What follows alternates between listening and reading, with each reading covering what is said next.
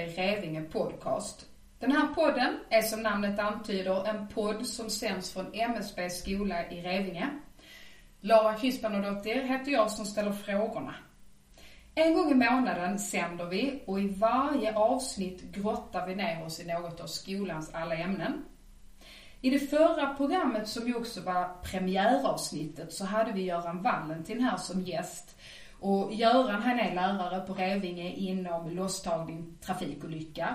Och det var ju också det som var temat i förra avsnittet.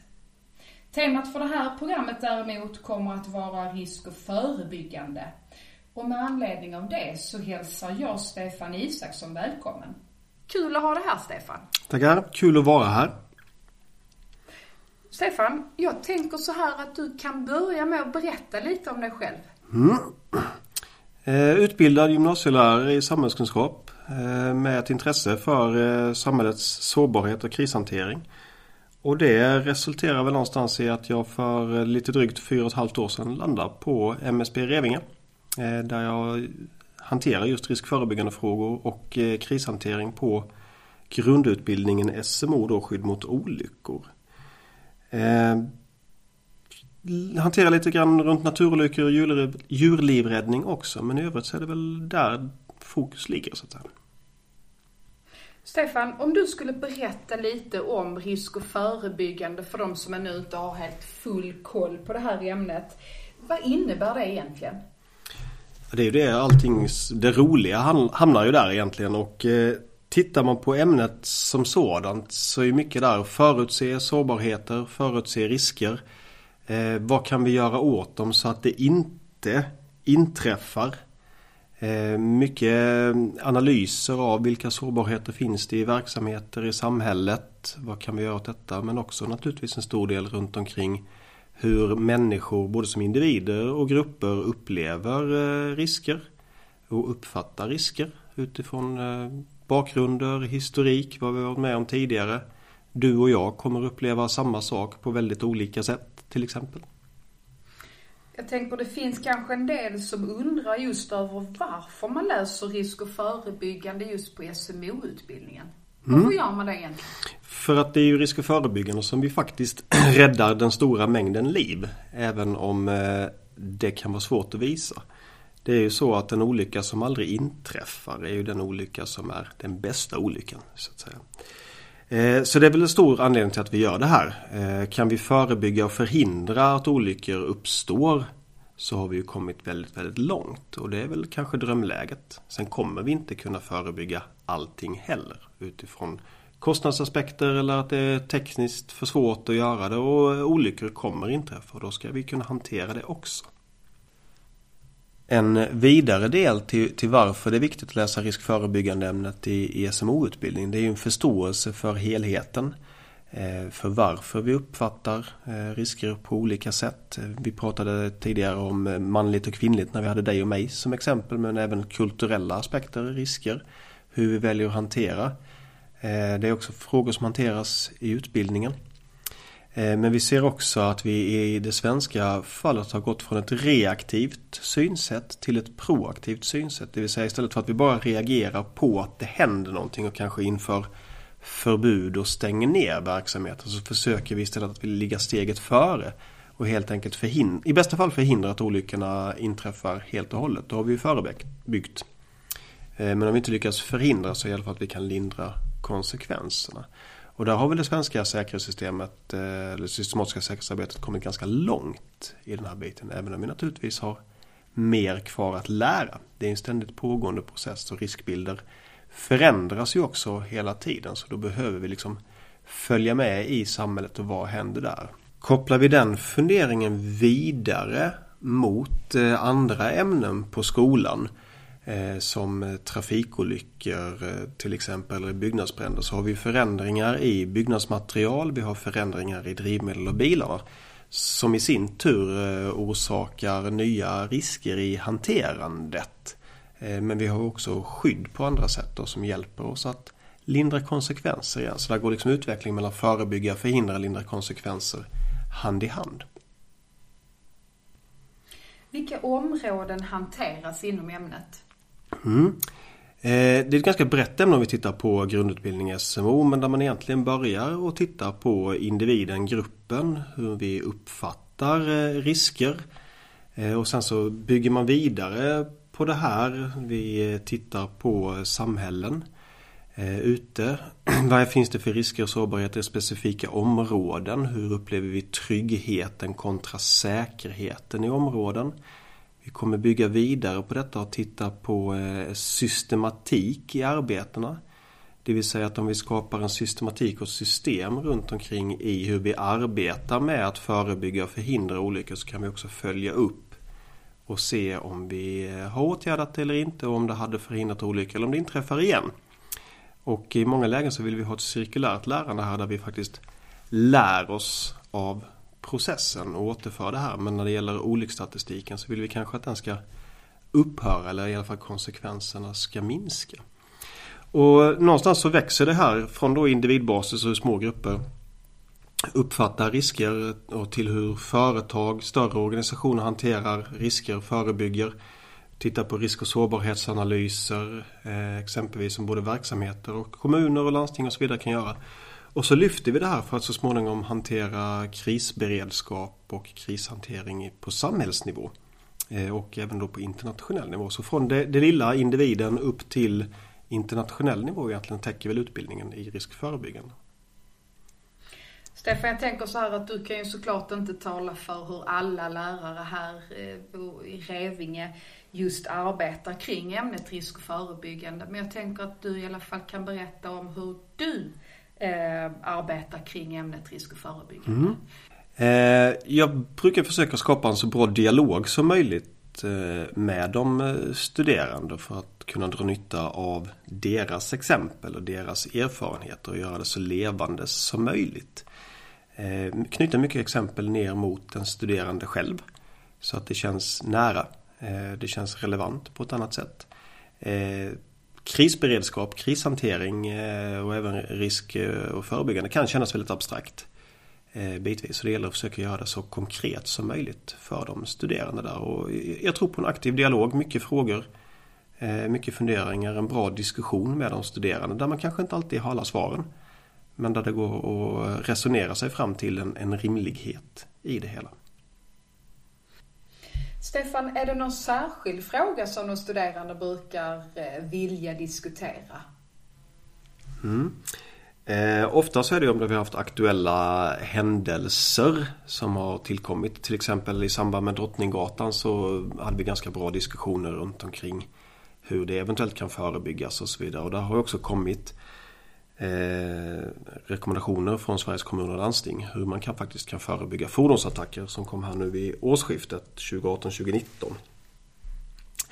I, I övrigt så undras det ibland så varför ska vi kunna det här? Vi ska ju bli brandmän.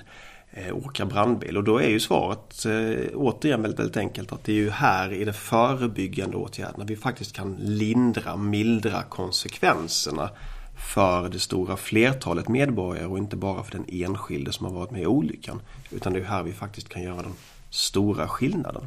Så därför tycker jag det är väldigt viktigt att ha bra koll och kunna jobba med den här typen av frågor också.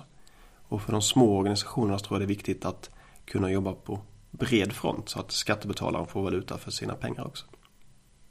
Mm tänkte på det, eh, är det något särskilt spännande så som du skulle vilja delge som händer just inom området just nu? Mm. Här är ju eh, ett par aspekter på gång. Eh, Sverige som nation håller ju på att se över sin eh, krisberedskap egentligen. Eh, och håller på att damma av det här och blåsa nytt liv i den med lite nya vinklar och sådär. Och riktigt hur det kommer se ut det får ju framtiden eh, utvisa. Eh, här har ju också under 2018 hänt ganska mycket med eh, vägledning vid pågående dödligt våld i offentlig miljö. Här har kommit vägledningar runt omkring eh, hot och våld mot blåljuspersonal. Där det ju är lagförslag som är uppe och hanteras runt omkring detta också. Så det är ett par sådana spännande saker som verkligen är på gång. Plus då den här Sveriges kommuner och landsting förebygga fordonsattacker och förhindra fordonsattacker.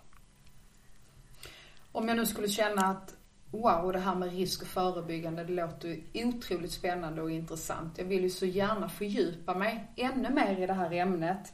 Är det någon specifik litteratur eller någon hemsida som du skulle kunna rekommendera? Mm. Eh, lite beroende på vilken vinkel man vill gå på detta om man tittar på eh, samhället i stort eller om man vill titta på, på riskuppfattningen och så här då.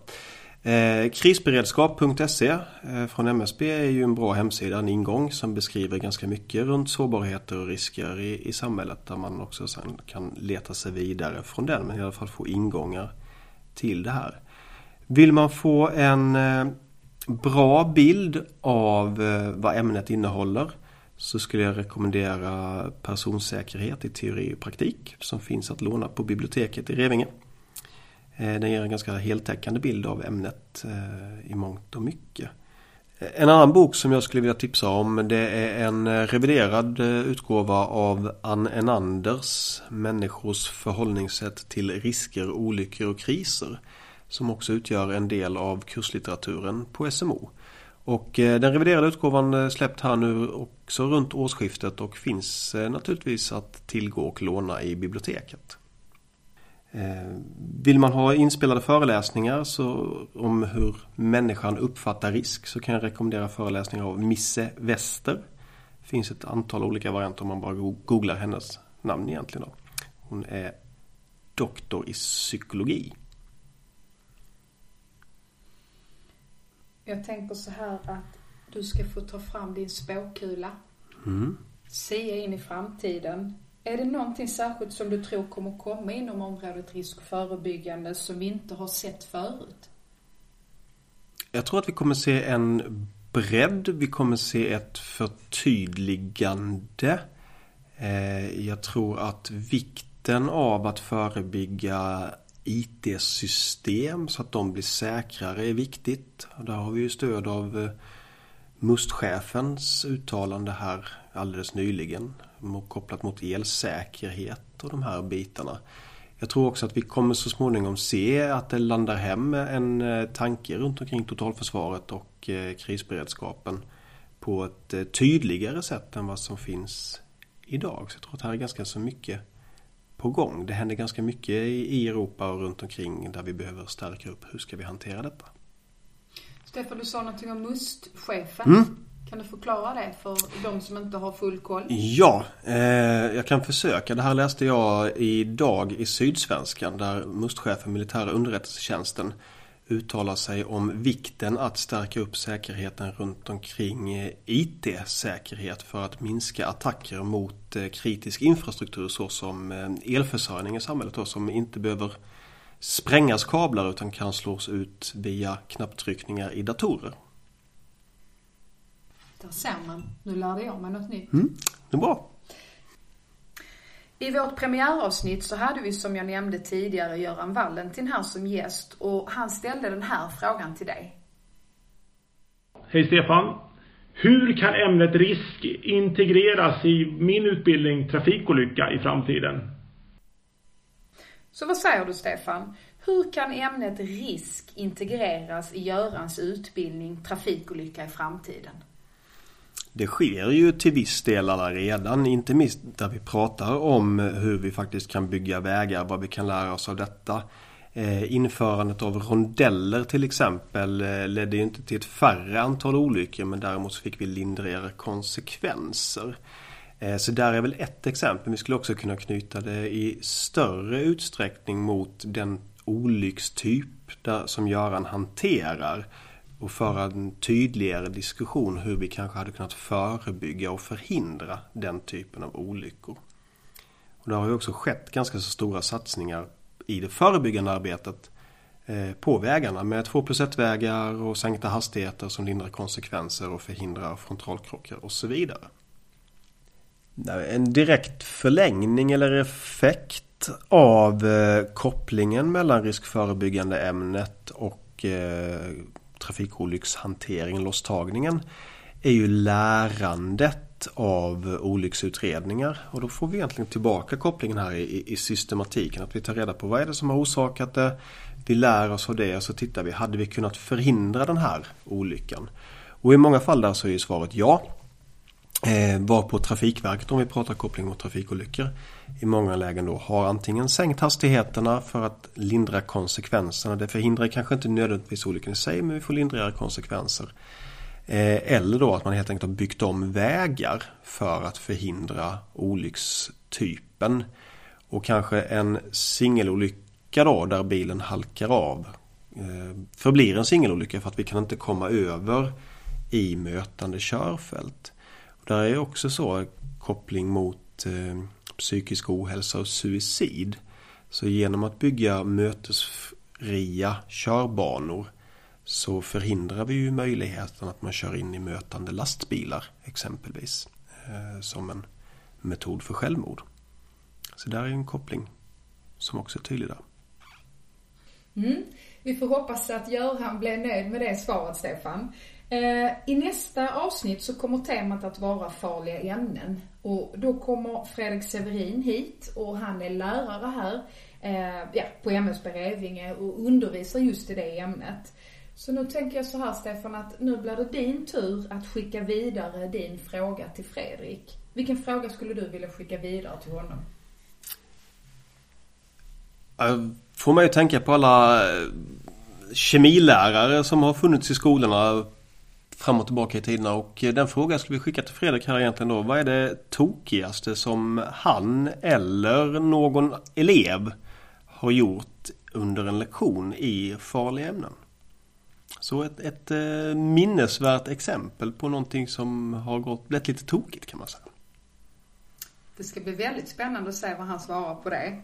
Du, tack så mycket Stefan för att du ville komma hit och berätta om ditt ämne, risk och förebyggande. Tack för att jag fick vara här och, och ge en eh, bild av hur vi jobbar med det på SMO-utbildningen i Revinge. Då hoppas jag att ni har fått mer smak för denna podd och lyssnar på oss även nästa gång. Tack och hej! Tackar!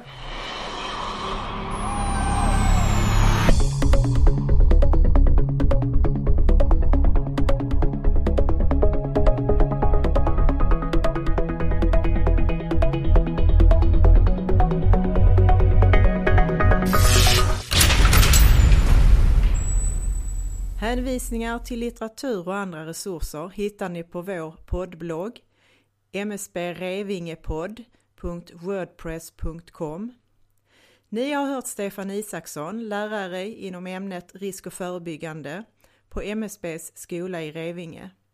Intervjuade gjorde Lara Krisbjarnardottir.